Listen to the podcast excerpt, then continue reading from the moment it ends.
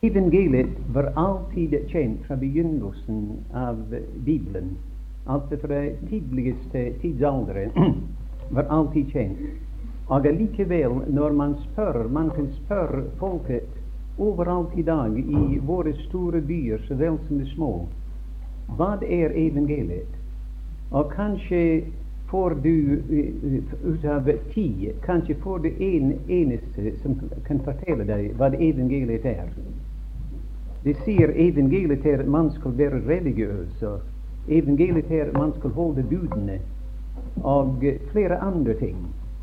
Jeg tenkte mens han talte på en eldre dame som hun var norsk, men her fra Amerika. Hun bodde i Amerika, kom hjem til Norge og døde her i Norge også. Men jeg, jeg ble bedt om å besøke henne. Og da jeg kom inn til henne, hun trodde jeg var en i samme slag som hadde kommet til henne før. Det var en del som hadde kommet, og hun sa det kommer her. Og det sier er du født på ny, og er du født på ny, og en hel del slike spørsmål som forvirret den gamle dame. Og hun sa jeg har bedt til her nå i over 60 år at jeg skulle bli født på ny, og jeg skulle bli frelst. Jeg sa til henne hvorfor da bede om det, når all den stund det er, det er en gave til deg? Og jeg sa jeg hadde en venn sa jeg, på Færøyene, og en aften, en søndag aften da de kom hjem fra møtet, han og hans uh, hustru og, og de andre, og de hadde sin aftenlesning. Han leste et vers, og fruen leste en del. Og de frelste, de som kunne lese, leste hver sin del. Og siden bad de. Og da de var ferdige med å bede og var stått opp på sine kne, da kom hans yngste lille småpike til ham og kastet seg over hans hals gråtende og sa, 'Pappa, pappa, jeg er ikke frelst, jeg kan ikke bede, til jeg er ikke frelst.' Han prøvde å forklare for henne frelsens vei, men det gikk ikke. Og da sa han til henne, 'Husker du den bibel du fikk av meg?' Jo, sa hun, pappa. Husker du hva du gjorde da du fikk Bibelen? Jeg gjorde ingenting, sa han. Jeg fikk Bibelen for deg. Ja, men det var noe du gjorde. Jeg gjorde ingenting, sa hun. Nå tenk deg om, sa han. Det var noe som du gjorde allikevel da du fikk Bibelen. Å, sa hun, jeg takker deg for den. Er det alt jeg skulle gjøre? Og ja, det var alt. Og nå bøyde de sine kne. Og, og hun bøyde sine kne ved siden av pappa og takket Gud den aften for frelse. Og denne kjære gamle som jeg talte med, jeg kunne se forandringen i hennes ansikt da, da jeg fortalte det. Og fra den tiden av nå var det noe helt annet å komme inn til henne. Hun nå takker Gud for denne for Guds usigelige gave. Så jeg skal si til mine venner, at frelsen er så vidunderlig enkelt, som vi har hørt i aften. Og, men der folk misforstår det. Det, evangeliet er, forteller oss ikke noe som du skal gjøre, men det forteller oss noe som Gud har gjort i Kristus. Og alt sammen er ferdig, og ferdig fra begynnelsen av Bibelen. Jeg tenkte jeg slo opp det mens han talte et vers jeg ville bare lese i det første kapittelet i Bibelen. Og i det, det andre og tredje vers. Det var nemlig en misjonær, en meget kjent tysk misjonær i Indien i gamle dager. Han var en mann kjent over hele verden, forresten. Han lignet en, en patriark med stort skjegg og en statslig mann, altså. Og uh, det var en gang han var kjent overalt for sin frimodighet. Og det var en gang der kom en ny offiser fra England. Det var den gangen England hadde uh, soldater der. Og da han hørte om denne nye offiser som var kommet, han tenkte, og han hørte om at han var en ufrelst, ugudelig mann. Første ting han, han tenkte på, denne store misjonær, denne store gudsmann, om han kunne få ham frelst. Han gikk opp den første formiddag, og uten å banke på døren, han åpnet døren og gikk inn på kontoret. Offiseren så på ham for å se hvem skulle våge seg inn på hans kontor uten å banke på døren en dag. Og eh, han sa, denne alvorlige mann sa, ta bogen frem. Til alltid på det britiske statskontorer der ligger alltid en bibel. Ta bogen frem, sa han. Han rakte hånden ut og tok Bibelen frem. Han sa 'slå opp det første kapittelet i Bibelen', og han gjorde det. Les nå den første delen av det andre vers. Og han leste, og jorden var øde og tom, og det var mørke over avgrunnen. Stopp, sa misjonæren. Og da falt han på sine kne, og han bad som bare han kunne bede, bad til Herren. Da han var ferdig med å bede og fortelle Herren at den mannen, hans sjel, det var mørke i det. Det var en avgrunn der. Da stod han opp på sine kne, og han sa farvel, og han gikk. Neste dagen kom han tilbake igjen samme tid. Og atter igjen kom han inn på kontoret. Atter igjen sa han til han ta boken frem. Og han tok Bibelen frem. Slå opp det første kapittelet i Bibelen, sa han, og les den siste delen av det andre vers. Og han leste det. Og ånd, Gud ånd svevde over avgrunnen. Stopp, sa han. Og han falt nå på sine kne for andre gang, og han bad til Gud at Gud ånd skulle sveve over mørket i denne mannens sjel. Og etter en alvorlig bønn til Gud sa han farvel, og han gikk. Den tredje dag kom han tilbake og for tredje gang sa han ta boken frem. Og han tok det frem. leste det tredje verset i Bibelen, og han leste, og Gud sa det burde lys, og det ble lys. Stopp, sa han. Og han falt på sine kne. Men den dagen var det to på kne. Ja, denne mann, mine venner, bøyde sine kne ved siden av denne store gudsmann, denne misjonær. Altså allerede i det andre og tredje vers i Bibelen, der har vi evangeliet åpenbaret. Vår tilstand der, vi var, vi var, i vår sjel, vi er øde og tom og full av mørke. Og da har Gud ånd virket på oss. Og siden vi Gud sier der var det lys, og der ble lys. Og Gud ville la lyset stråle inn i noen sjel da, som er her i aften. Det er ikke nødvendig, mine venner, at vi går uten kjennskap til den virkelige grunnvoll på hvilken vi kan bygge. Alle andre grunnvoller som vi har hørt i aften, skal ramle. Der finnes ikke en eneste grunn, der er en eneste grunnvoll på hvilken vi kan bygge og hvile. En som aldri skal råkes evinnelig. Og det er Kristus, og bare Kristus. Nu, Jeg hadde tenkt i aften å si bare for en liten stund noe om, eh, om Jonas. Den lille boken som ikke mange mennesker leser. Jonas er meget omtalt av Herren selv i de fire evangelier. Og Jonas var en, eh, en, en, profet, altså, som vi vet, i Det gamle testamentet. Men eh, Jonas, mine venner, var en av de aller største predikanter som iallfall som jeg har hørt om eller lest om. Vi har lest om predikanter. Peter prediket en gang og fikk 3000 sjeler for Kristus gjennom en eneste enkel prediken. Og det var veldig. Modig har prediket og fått mange sjeler for Kristus. Han aviterte en gang i London da han og, og eh, Stanke var der. Og han aviterte et møte for bare fritenkere.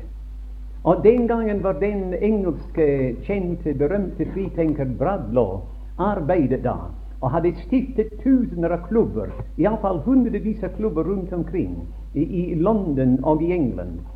Og Mode inviterte et, et møte for bare fritenkere.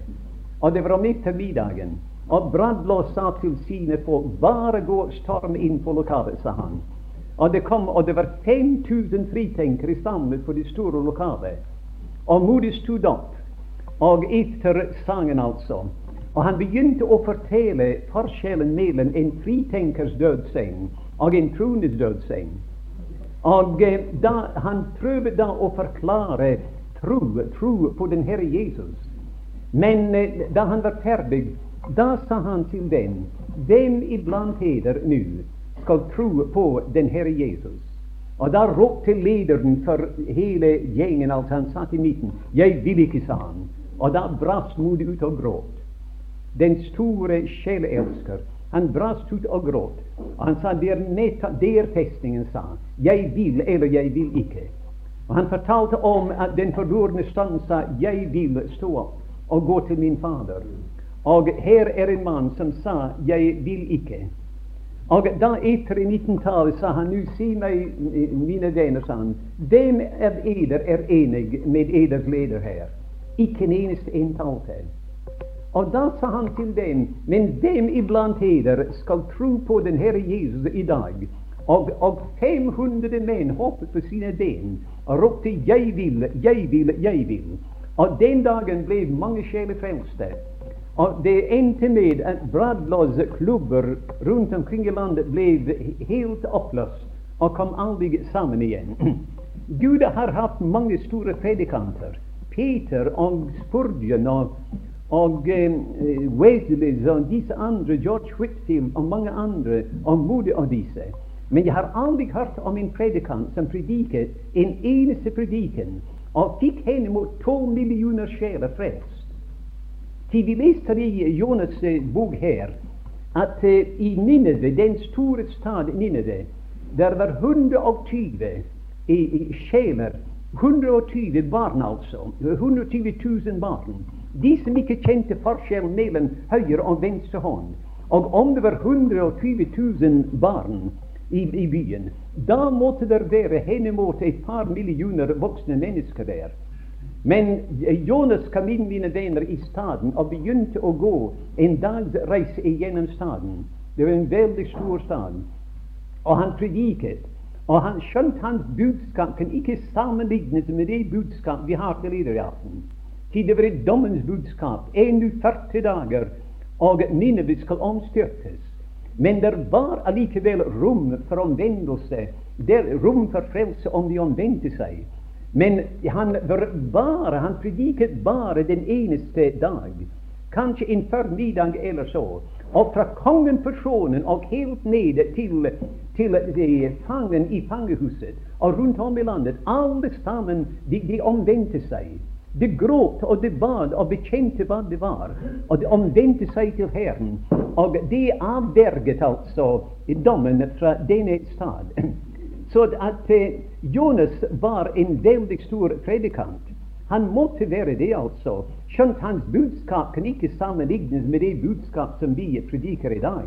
Ikke, vi sier ikke det er en dommedag som kommer. Vi taler naturligvis om en dommedag. Men vi kan ikke si til dere i aften, mine venner, som Jonas sa til Nineve, Nineves menn, at 40 dager, det er 40 dagers nåde. Og om 40 dager, da skal dommen komme. Vi kan ikke si det. Det kunne være før morgenen sol går opp, at Herren kommer. Og da blir døren lukket. Men det var et dommens budskap, og vi har et nådens budskap til dere i aften. Men nå noen kanskje ville spørre meg som sitter her i aften, hvorfor hadde hans budskap så veldig en kraft? Hvorfor, hvordan gikk det at det var en sånn virkning den dagen han talte, og talte et sånt budskap? Jeg skal si dere, mine venner, hva det var som gjorde det. Jonas, Nineves menn visste at Jonas var en død og oppstanden mann. Nineves menn visste at Jonas hadde vært tre dager i døden, og han kom tilbake igjen. Og den mann som var død og oppstanden igjen, da visste Nineves menn at den mann hadde et budskap fra Gud. Og så overbevist var vi at budskapet var fra Gud. At vi leser av det trodde Gud. Vi leser ikke det trodde Jonas, men det trodde Gud. De så forbi Jonas, altså, og de så til Gud, og de trodde Gud, og de omvendte seg til Gud. Det, det, det, var det som ga kraft til Jonas' forkynnelse. Jo, Jonas var en død og oppstanden mann. Hele Nineve visste at han ble kastet i havet. Og han var der tre dager, og han kom tilbake igjen. Og da sa disse, disse mennesker den mann må være for Gud. Og den manns budskap er fra Gud. Hva er det, mine venner, som giver evangeliet en sånn kraft i dag?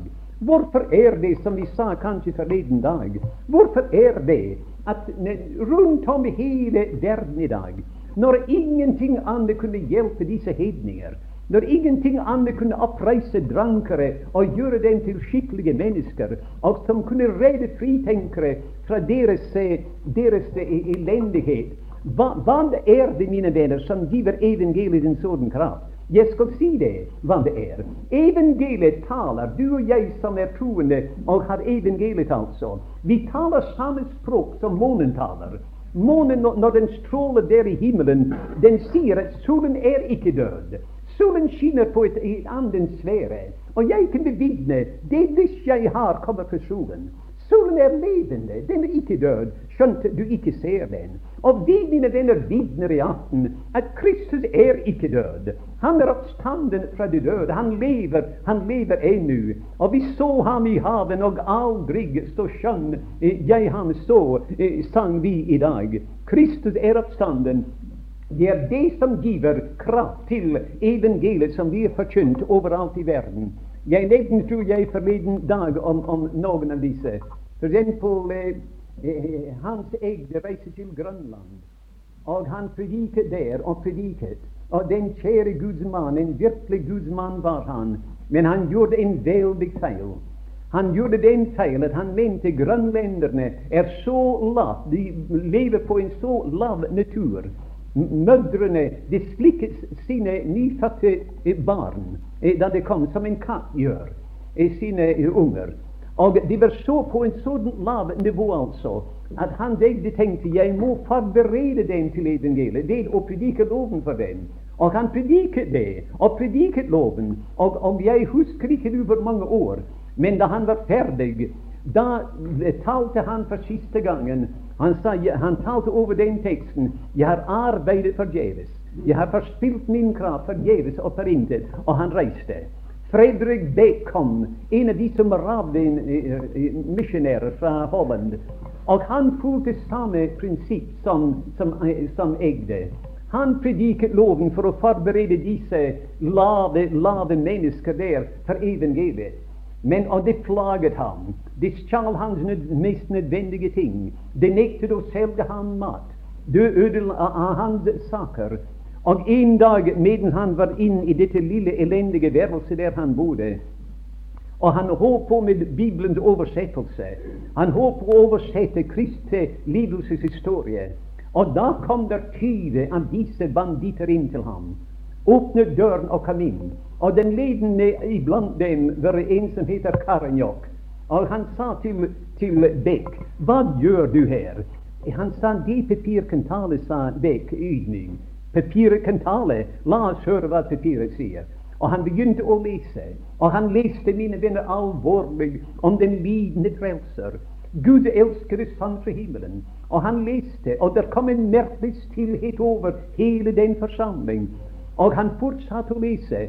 Og da løftet han sine øyne for å se hva årsaken var til eh, denne stillhet. Og da så han, mine venner, at underet var skjedd. Tårer rant ned fra disse banditters øyne. Og Karinjok selv kom over til ham og så på papiret. Han sier, leser det igjen. Også jeg vil være en kristen. Og flere hundre grønlendere ble omvendt til Herren. Og det sa til misjonærene de må ikke komme med noe annet. Du skal tale bare om Kristus og Hans verk. Bare om det. Og det, mine venner, hvor kom den kraften fra? Ta Bjørnsons bøker eller Shakespeares bøker til noen av disse og lese dem opp for dem. Det blir ingen, ingen virkning.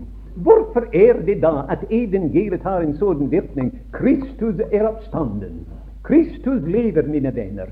Den gangen jeg husker det godt, jeg var en ganske ung mann da det, det store russiske revolusjonen fant sted.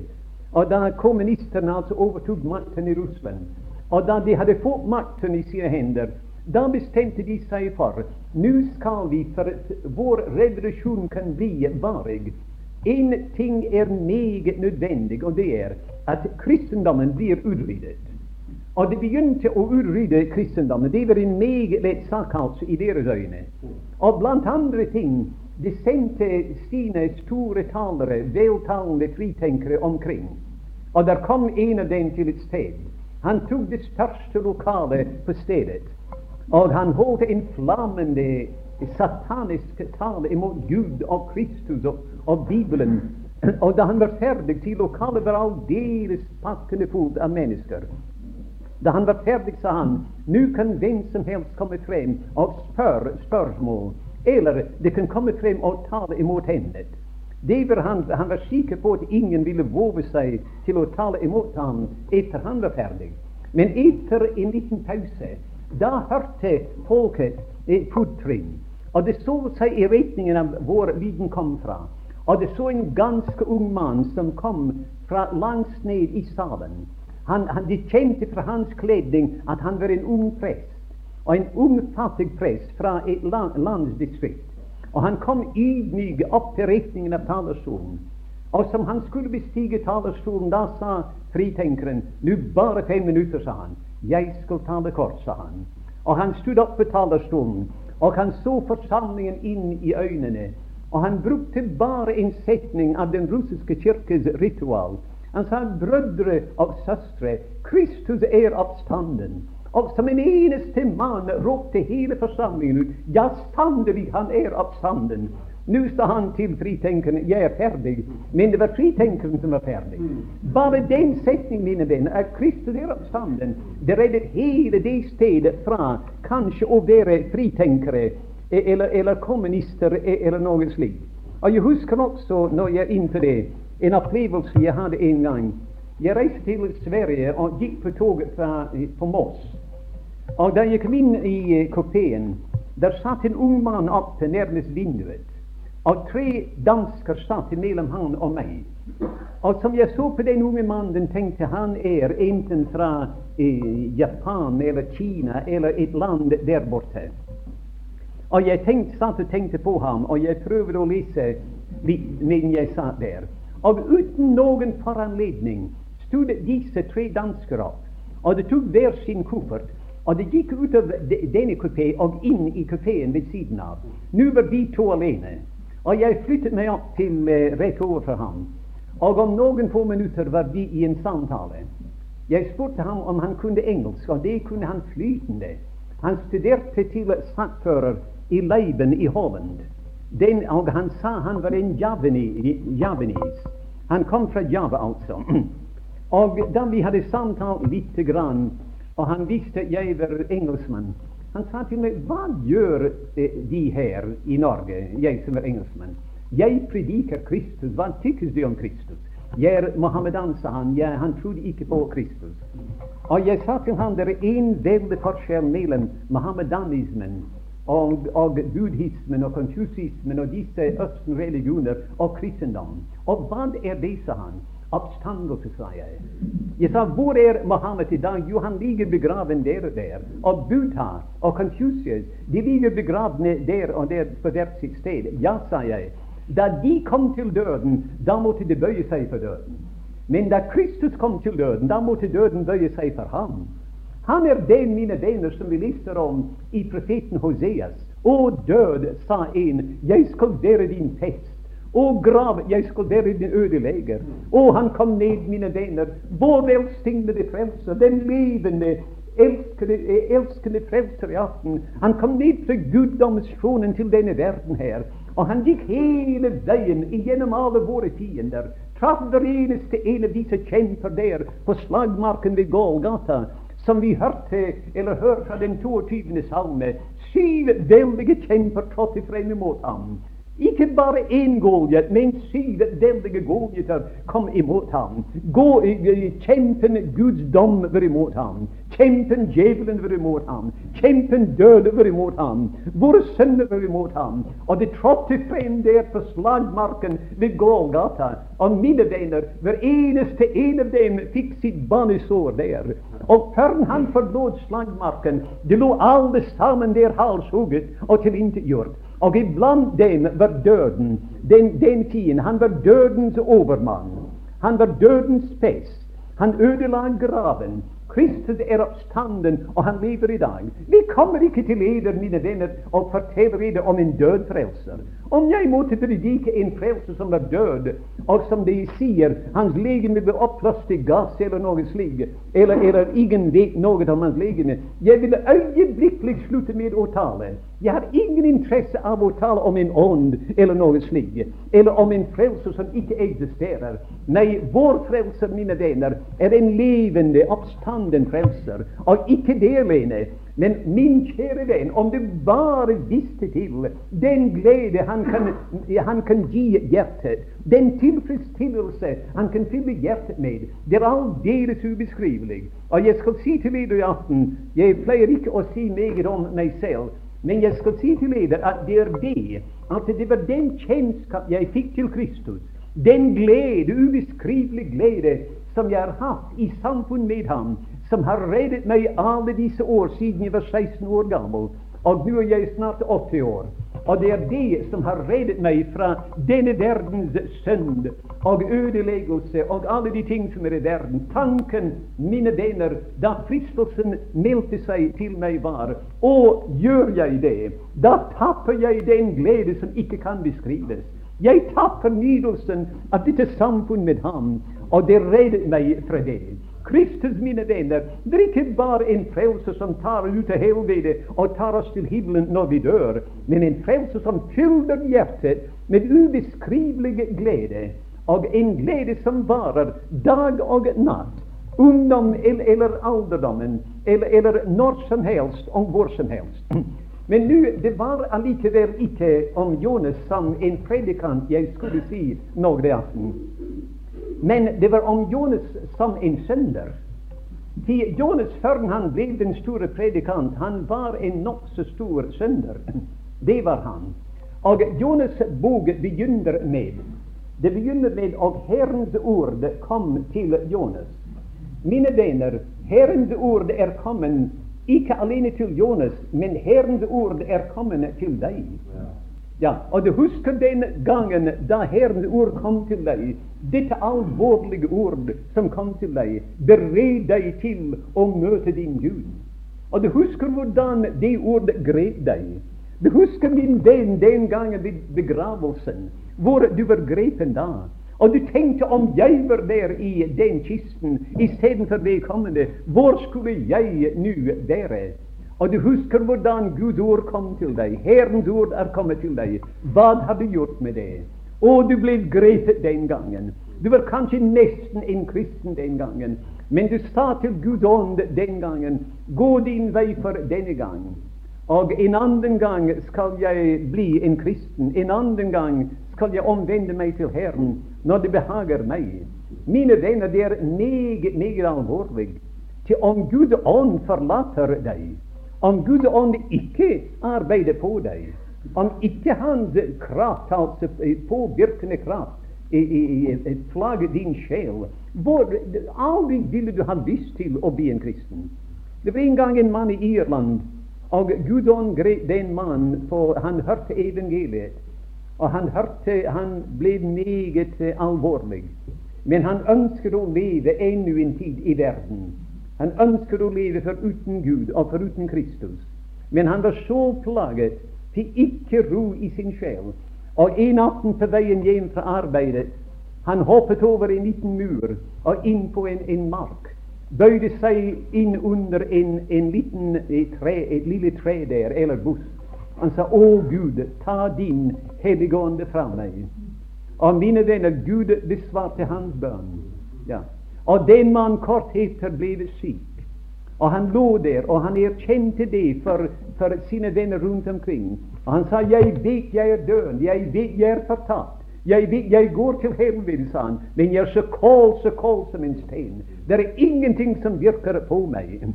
Når om Guds ord er kommet til deg, da ber jeg deg i aften, dersom du elsker din sjel, Dersom du ønsker, min kjære venn, å, være iblant den, den, den frelste skar i herligheten, om du ønsker å blande din røst sammen med disse kjære som er rundt om kring tronen, og si verdig er lammet som vi slaktet, og som kjøpte oss til Gud med sitt blod, min venn, om du ønsker det, da ber jeg deg i aften, sett veldig pris på at Herren burde komme til deg. Det ord som i aften kunne være til din frelse, Tenk f.eks. på dette deilige ordet at han er såret for våre overtredelser, knust for våre misgjerninger. Straffen lå på ham for at vi skulle ha fred, og ved hans sår har vi fått legedom. Bare tenk på det. Og da tenk på, på det neste vers der. Vi fôrer alle vill som får. Vi vendte oss der til sin vei, og Herren lod våres alles misgjerninger ramme ham. Det var en gang en ung mann som kom på et av våre møter, et møte i England. Og eh, han, da møtet var slutt, da stod han på, ved dørterskelen som om han ikke ville gå. Og han så nokså elendig ut. Da predikanten eller en av de troende kom til ham og spurte ham er du frelst. Nei, gid jeg var frelst. Jeg ønsker å bli frelst. Og han åpnet sin bibel og leste dette vers. Altså, vi for alle vill som får. Vi vendte oss hver til sin vei. Men Herren lod våres alles misgjerninger ramme ham. Nå sa han, bare hør etter. Han sa, du kan lese. Ja, nå vil se på det verset der. Les den første setningen. Vi for alle vill som får. Gjelder det deg? Å ja, det gjelder meg, sa han. Jeg har fare vill som jeg får. Nå vel, det gjelder deg. Vi får alle vill som får. Vi vendte oss der til sin vei. Er det sant? Jo, dessverre, det er sant. Det er årsaken til min elendighet. Vel, sa han, nå les videre. Men Herren lod alle våre misgjerninger ramme ham. Gjelder det deg? Å, sa han, om det, det første, den første delen av verset gjelder meg, da gjelder det også meg. Og lyset gikk opp for ham. Mine venn, la Herrens ord da få en plass i hjertet ditt i aften. Altså Herrens ord kom til denne, denne mannen, altså, til et kjære i, i, Jonas. Og han sa til ham, stå opp og gå til Nineve, den store stad, og tale der de ord jeg skal gi deg. Og, men istedenfor det, Jonas skjønte han hørte Herrens ord. Herrens ord kom til ham. Han gjorde akkurat som utallige tusener i Norges land gjør i dag. Jonas sa du sier til meg 'gå øst', jeg skal gå vest, sier han. Ja, og jeg gjør ikke det som du sier. Han sa ikke det antagelig med rene, bestemte ord, men det var det han gjorde. Han gikk i motsatt retning fra det som Gud befalte ham til å gå i. Og istedenfor å gå til Nineve, som Gud sa til ham at han skulle gjøre Vi leser her men Jonas stod opp for å fly til Tarsus. Men det, å fly til Tarsus altså fra Herrens åsyn Og han drog ned til Joppe, til han måtte gå gjennom Joppe for å komme til Tarsus. Og det er ganske merkelig her at Tarsus betyr ødeleggelse, og Joppe betyr behagelig. Jeg skal si dere, mine venner, at det finnes ikke en mer begavet vesen kanskje i hele universet. Jeg taler ikke nå om, om disse hellige engler men det mest begavede vesen som er, er djevelen. Han er ikke uforstandig eller dum i den retning. Han, han, sa ikke til Jonas den gangen nu der, du er på veien til Tarses, ødeleggelse, på veien til helvete, til, til dommen og ødeleggelse. Og derfor gå der. Der er en hel masse vanskeligheter der, og, og elendighet der, og bare gå den veien. Nei, sier han. Jeg skal ta deg gjennom jobbet, Og jobbet betyr behagelig. Og det er hva, det er det, djevelen gjør i dag. Unge menn og kvinner sier, når Gud sier til dem Kom til meg, sier de. Gå østover. Gå til Golgata. Gå til min velsignede sønn. Han er din frelser. Bøy deg for ham og si til ham, Herre Jesus, du er min frelser. Og da blir du frelst. Men, men djevelen, mine venner, han sier nå du, du skal ikke gjøre det.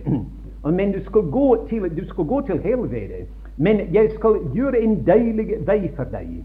Du skal gå på den vei som er meget behagelig. Du skal gå på dansesaler og ballsaler og kinoer og, og alle mulige i, i, i selskaper og forlystelsessteder. Du skal gå der. Så ting blir ikke lang. Du skal fryde deg der når du går. Og da plutselig skal du lande med et skrik i, i evig helvete. Det, det er djevelens hensikt, mine venner, men det er ikke Guds hensikt. Gud ønsker himmelen fullt og helvete tomt. Gud ønsker at himmelen skal være fullt av frelste søndere, som skal synge der, som vi har sagt allerede, verdig er lammet som vi slaktet, og som kjøpte oss til Gud med sitt blod. Men Jonas, mine venner, som utallige hundretusener av mennesker i dag, av særlig ungdommen, det står opp for å fly fra Herrens åsyn og for å gå til Tarsus. Og da kommer djevelen inn for å hjelpe dem. Og han, han eh, brolegger veien med fornøyelser og gleder og slike ting. Han fører dem igjennom Joppe. Og ikke bare igjennom Joppe på et behagelig sted. Men vi leser her i det samme vers. Da han kom til Joppe, da fant han et skip der. Alt sammen var i orden. Antagelig tenkte han jeg må være rett likevel. Jeg kanskje har gjort riktig å, å løpe eller, eller flykte fra Herren år. Her er et skip, nettopp det skip, og den, den skal til Tarsus også. Nettopp det sted jeg har tenkt meg. Og ikke det alene, men jeg har penger i lommen å betale trakten. Han betalte billetten også. Og der kom han inn i dette skip. Og han gikk ned ganske likegyldig, og han sov der. Ah, mine venner, det går på den måten. Ned og ned og ned. Det går, med det uomvendte. Det blir så vant. Først er de skremt. Først er de forferdet. Først får Gud ånd lov til å forferde dem ved sin påvirkning. Men det står imot og står imot. Inntil endelig det kan legge seg ned der, og det kan sove trygg der. Borte fra Gud, på veien til Tarsus, på veien til ødeleggelse. Men da finner vi, mine venner, Gud var ikke ferdig med denne mannen. Og la meg si til dere i aften, Gud er ikke ferdig heller med deg. Han er ikke ferdig med deg. Du kan stå imot så lenge du vil. Men vær sikker på, mine venner, det blir rullet over din vei den ene bølge etter den andre. Gud har bestemt å frelse deg. Og det hjelper ingenting hva det koster. Han skal frelse deg. Om det koster deg livet, skal han frelse deg. Om han må legge deg på ryggen din i sykesengen, skal han frelse deg. Hvorfor ikke da i aften? Hvorfor ikke bøye deg nå medens du har helbred? Og når du hører Guds kall, når Herren Lord er kommet til deg, hvorfor ikke gå direkte til Ham og bøye dine, dine kne for Ham og si, Herre Jesus, Herre, jeg holder ikke lenger ut. Jeg kommer til deg, just som jeg er, uten et strå av eget verk å bygge på. Jeg kommer, å Guds land, og bøye di, dine kne for Ham og se Ham opp i ansiktet. Å, dette velsignede ansikt. Se opp i disse øyne, mine venner. Disse øyne, et blikk fra dem sønderknuste kjære Peter. Og han så på ham, og sønderknuste han hjertet. Se opp på disse ømme øyne i aften og si, Herre Jesus, her er jeg, du er min frelser. Vi hørte om det i dag, min altså. Det var noen som talte om det. Du er min frelser. Ikke bare vår frelser, ikke bare alles frelser, men du er min frelser. Å, Gud hjelpe eder til å kunne si det i aften. Jeg tenker nå når jeg nevner det, at en av mine venner i England, en meget begavet predikant forresten, han var på et sted og hadde møter, og det var vekkelse der. Og blant andre som ble frelst, var det tre søstre i en familie. Det var fire døtre i familie. Og den yngste av dem ble ikke frelst i vekkelsen. Og disse, det andre var meget ivrige, og særlig den eldste av dem, og lengtet etter å få søstrene frelst. Og en morgen ved frokostbordet, da alle fire satt der, da sa den eldste av dem, vil dere si etter meg det jeg sier? Det så på henne, jo, det skal vi. De visste ikke hva hun mente. Og da sa hun, den Herre Jesus er verdens frelser. Den andre sa, den Herre Jesus er verdens frelser. Og det andre to, også den uomvendte med, sa etter henne, den Herre Jesus er verdens frelser. Og da begynte hun igjen og sa, den Herre Jesus er søndres frelser. Og det andre tre sa hver for seg, altså. Den Herre Jesus er søndres frelser. Men da begynte den eldste om igjen. Hun sa den Herre Jesus er min frelser. Og den andre sa den Herre Jesus er min frelser. Og den tredje sa den Herre Jesus er min frelser. Men den yngste kunne ikke det. Hun kunne si at han var verdens frelser og synderes frelser, men hun kunne ikke si at han er min frelser. Men hun stod opp for der hun satt, og hun gikk inn i sitt lille værelse og hun var der en stund. En stund. Det andre tre satt bedende ved bordet. Hun kom tilbake igjen og ba dem si om igjen det som de hadde sagt før. Og det sa alle tre, alle fire, den Herre Jesus var verdens frelser og synderes frelser. Og da begynte den eldste, den Herre Jesus er min frelser. Den andre sa han er min frelser.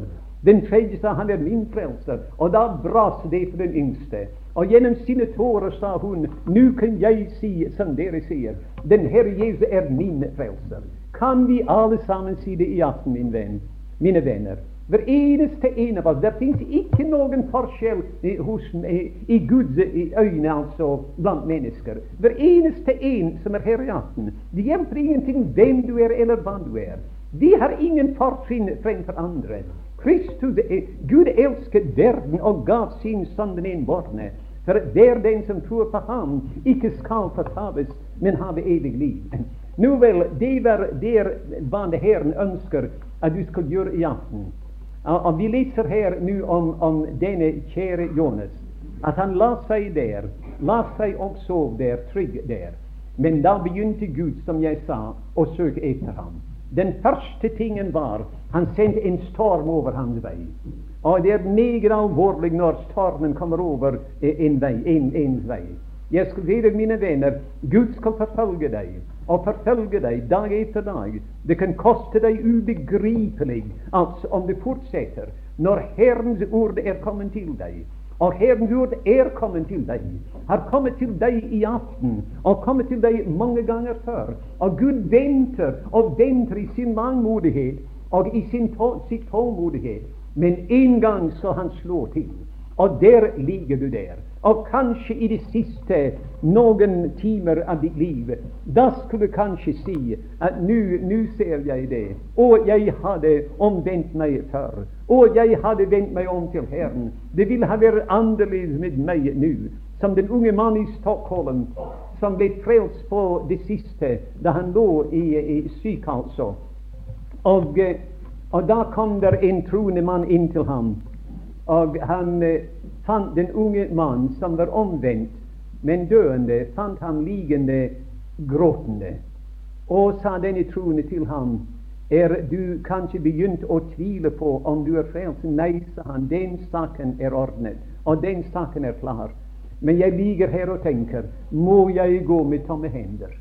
Ja. Jeg kunne, som en ung mann, jeg kunne ha vært for Herren, men nå er jeg frelst på det siste. Og noen fikk tak i disse ordene og skrev denne alvorlige sang Må jeg gå med tomme hender? Må jeg slige min frelser seg? Må jeg treffe ham med tomme hender? Ikke det eneste neg å legge ned for hans føtter. Mine venner, og vend deg om i aften. Hør Herrens ord i kveld. Ta imot frelsen i Kristus i aften. Han kom fra himmelens herlighet ned her for å søke, som vi hørte, å frelse ikke det rettferdige og det gode mennesker, men det som er fortapt. Nå, Jeg kan ikke, jeg skal bare bruke noen minutter til. Vi finner her mine den første ting, det første middel til hans omvendelse var at han, eh, han, Gud sendte en storm over hans vei. Og han lå der i eh, skipet der og gruet. Det var forferdelig. Og da vi vet hva det enden ble Han ble kastet i havet der og rullet omkring der i det, det fryktelige hav. Og da, om du leser det andre kapittel, som jeg ikke kan ta tid å lese i aften Men du skal finne der, jeg kan bare lese et ord hist og her. Vi leser i det andre vers at han bad til Herren, men han fikk ikke frelse for sine bønner. Og vi leser i det tredje vers han ropte, men han ikke, fikk ikke frelse for sine råp. Og da leser vi at han skrek endog, men han fikk ikke frelse for disse skrik. Og da leser vi i det, i det, det sjette vers, og lenger ned altså. Han gav Gud løfter, og jeg skal love å betale det. Og jeg skal betale det som jeg har lovet deg. Men han fikk ikke frelse, mine venner, verken ved sine bønner eller skrik eller råp eller, eller løfter. Men da kom han til bonde med det hele, og han ropte ut fra hjertedypen Frelsen hører Herren til. Og øyeblikkelig var hans føtter på den faste klippe. Frelsen, mine venner, hører Herren til. Det er ikke deg det hører til. Ikke våre gjerninger det hører til. Det hører Faderen til, til han uttenkte frelsen. Det hører Sønnen til fordi han utarbeidet frelsen. Og det hører Den hellige ånd til fordi han gjorde det virkelig og levende i våre hjerter. Høren, frelsen hører Herren til. Og det øyeblikkelig kom hans føtter på den faste klippe, og nå var han frelst. Og nå kunne han gå der til Nineve nå som en frelst, som den predikant jeg talte om i aften at han var. Og han prediket der i en hel annen kraft. Gud hjelpe oss alle sammen, mine venner, til i aften. Det er ikke for meget å forlange, ikke for meget å be eller vente at hver eneste uomvendt sjel under det taket i aften skal omvende seg til Herren. Hvorfor ikke, mine venner? Ja, Gud venter på deg. Og Kristus venter og, og, bøyer seg ned over aften. Han venter til han sier 'Jeg døde for dem'. 'Jeg gav mitt liv for dem'. 'Mitt blod for dem'. Og Den hellige ånd er her og venter. Og han sier 'Jeg ønsker å vinne dem'. Jeg er, er som den tjener Abraham sendte ut. Jeg ønsker å vinne mer og mer til den brud som min Herre, som er i himmelen, som har sendt meg, skal ha evinnelig. Og Gud Fader, Sønn og Hellig venter og venter på deg. Hva skulle du gjøre i aften, min venn? Hva skulle du si til ham i aften? Hva skulle du gjøre med Herrens ord som er kommet til deg? Skal du si til ham i aften, min Herre, du, er, du døde for meg på korset. Du led for meg. Ditt blod rant for meg. Du er min frelser. Du er min. Og han skal si til deg, din tro har frelst deg. Gå bort i fred.